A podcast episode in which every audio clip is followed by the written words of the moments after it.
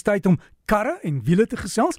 Nico Smit is 'n kenner op hierdie gebied en hy lei mense op om ordentlik te bestuur en ordentlike motors te ry. Maar maar Nico, nie almal van ons het ordentlike duur motors nie, maar jy kan met 'n goedkoop kar ook goed ry, né? Verseker, Dirk. Um, ek um, ek dink solank jy na jou kar kyk, maak nie saak of dit goedkoop of duur is nie, dan gaan jy na jou kyk. Um, so ek geniet altyd my kar as ek in hom ry, maak nie saak wat 'n ander kar ek gery het nie, want dit is myne. Ehm um, ja, so ehm um, dis lank jy net van jou kar hou, dink ek is jy al halfpad daar. Ehm um, ek het twee vrae dit ek wat ek wil wat mense my gevra het. Die eerste vraag was, weet jy wat bande vandag is so duur? Wat is die beste manier om na jou bande te kyk? Want so dat jy dit hulle so lank as moontlik kan laat hou.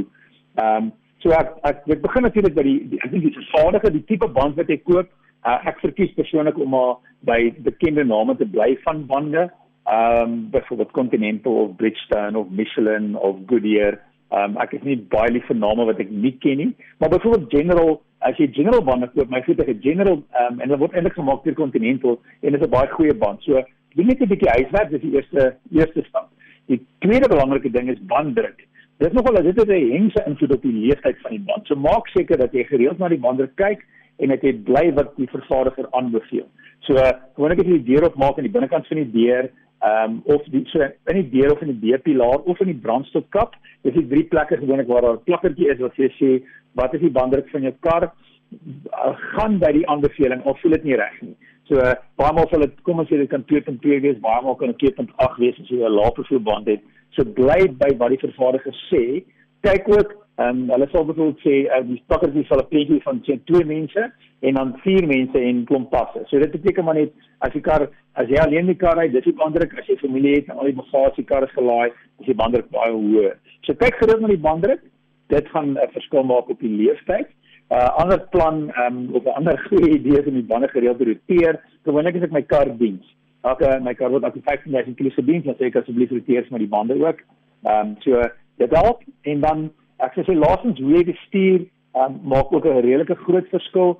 So egalige versnelling. As jy vinnig wegtrek, um, is die kans goed dat die band bietjie vinniger as jy voet gaan beweeg en dit gaan die jy kan dink dit gaan bietjie van die die die, loopvlak alles 'n klein bietjie wegvat. Ook dieselfde met harde rem, stadige vroeër meer egalige rem gaan 'n verskil maak in plaas van hier by die stofstraat hard op die remme spring. Dit gaan ook gaan dit kan ook die bande vinniger afloop en dan net eenvoudig vinnig om die draai gaan. So as jy is 'n lekker draai en jy weet weet jy wat die kar baie lekker greep en hy gaan vinnig om die draai. Daai vinnig om die draai, ehm um, is 'n baie laterale kragte, so dit gaan ook die band um, vinniger um, um, die die leeftyd van die band beïnvloed. So dit dis die ek dink die eenvoudige stappe en dit goed ek ook self doen om om te kyk om om om te probeer om my bande so lank as moontlik te hou. Die grootste ding sou ek sê, ja, moet jy die sturing in band druk. Dan het ek 'n ander vraag gehad oor hoe werk 'n waterstofvoertuig? Ehm um, baie vervaardigers het al probeer um, om uh, wel 'n maak water waterstofvoertuie. Daar's natuurlik ehm um, jy het ook natuurlik waterstoftanks nodig en die waterstof moet gestoor. So waterstof is nie so populêr as 'n voertuig as ehm um, wêreldwyd soos vir elektriese karre. En ek weet in in Kalifornië byvoorbeeld is daar karre of voertuie wat met waterstof aangedrewe is met uh, spesiale volstasies wat waterstof hou. Maar 'n waterstofvoertuig is eintlik maar 'n elektriese voertuig. So jy gebruik waterstof en suurstof in Engels praat hulle van hydrogen en dioxin. So ek weet nie of O2 in Engels dioxin is nie. Ehm um, so maar dit is in geval waterstof en suurstof en dan eenvoudig het jy uh, in Engels praat van 'n uh, fuel cell. So eerstens het jy 'n tank ehm um, waar hierdie waterstof gestoor word in 'n kar soos 'n brandstoftank.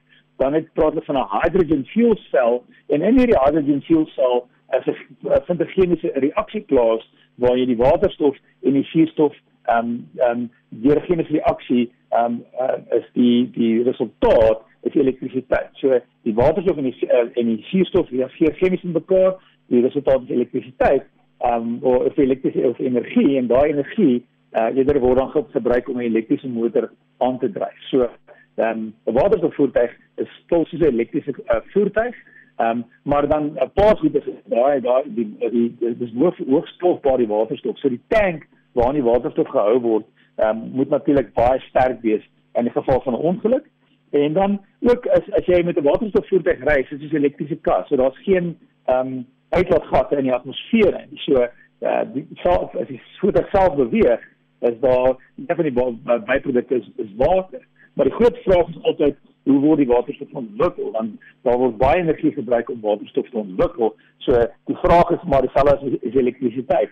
Die voertuig self, die elektriese kar beweeg, ehm um, waar word die elektrisiteit ontwikkel? Is dit byvoorbeeld uh ehm uh uh, uh sien maar hidroelektriese krag teenoor uh, kool, steenkool en dieselfde is die koste wat dit uh, en die energie wat gebruik word om waterstof te ontwikkel is is, is nogal baie. So dis die negatiewe impak van 'n waterstof um, of 'n uh, ja, waterstofvoertuig. Maar dit uit op die einde van die dag is 'n waterstofvoertuig maar net 'n elektriese kar. Ja, nie genoeg as jy naam waterstof hoor en dink jy waterstofbom, né? Nee. Ja. ja, weet jy wat? Ehm um, jy jy het hom al reg. So dit dit dit die die naam wat jy nog al skrik en NASA gebruik eintlik waterstof ehm um, um, om hulle om hulle um, um, ja om hulle ruimtevaarders by die maan te kry. So dit is dis baie energie in waterstof so. So as jy te veel het dan gaan jy maan toe. Gaan jy maan toe. ja, dit maak my nogal dit laat my nogal skrik as ek dink uh, waterstofvoertuig kan jou maan toe neem. Dat dit verkeerd loop. Ja, Nico, ek dink meeste motors as iets verkeerd gaan kan jou deesdae verneem. Ehm uh, alles van die beste en goeie naweek vir jou. Dit was ons wiele gesprek en as jy vir Nico wil e-pos dalk 'n vraag het, stuur vir hom wiele by rsg.co.za. Dis wiele by rsg.co.za.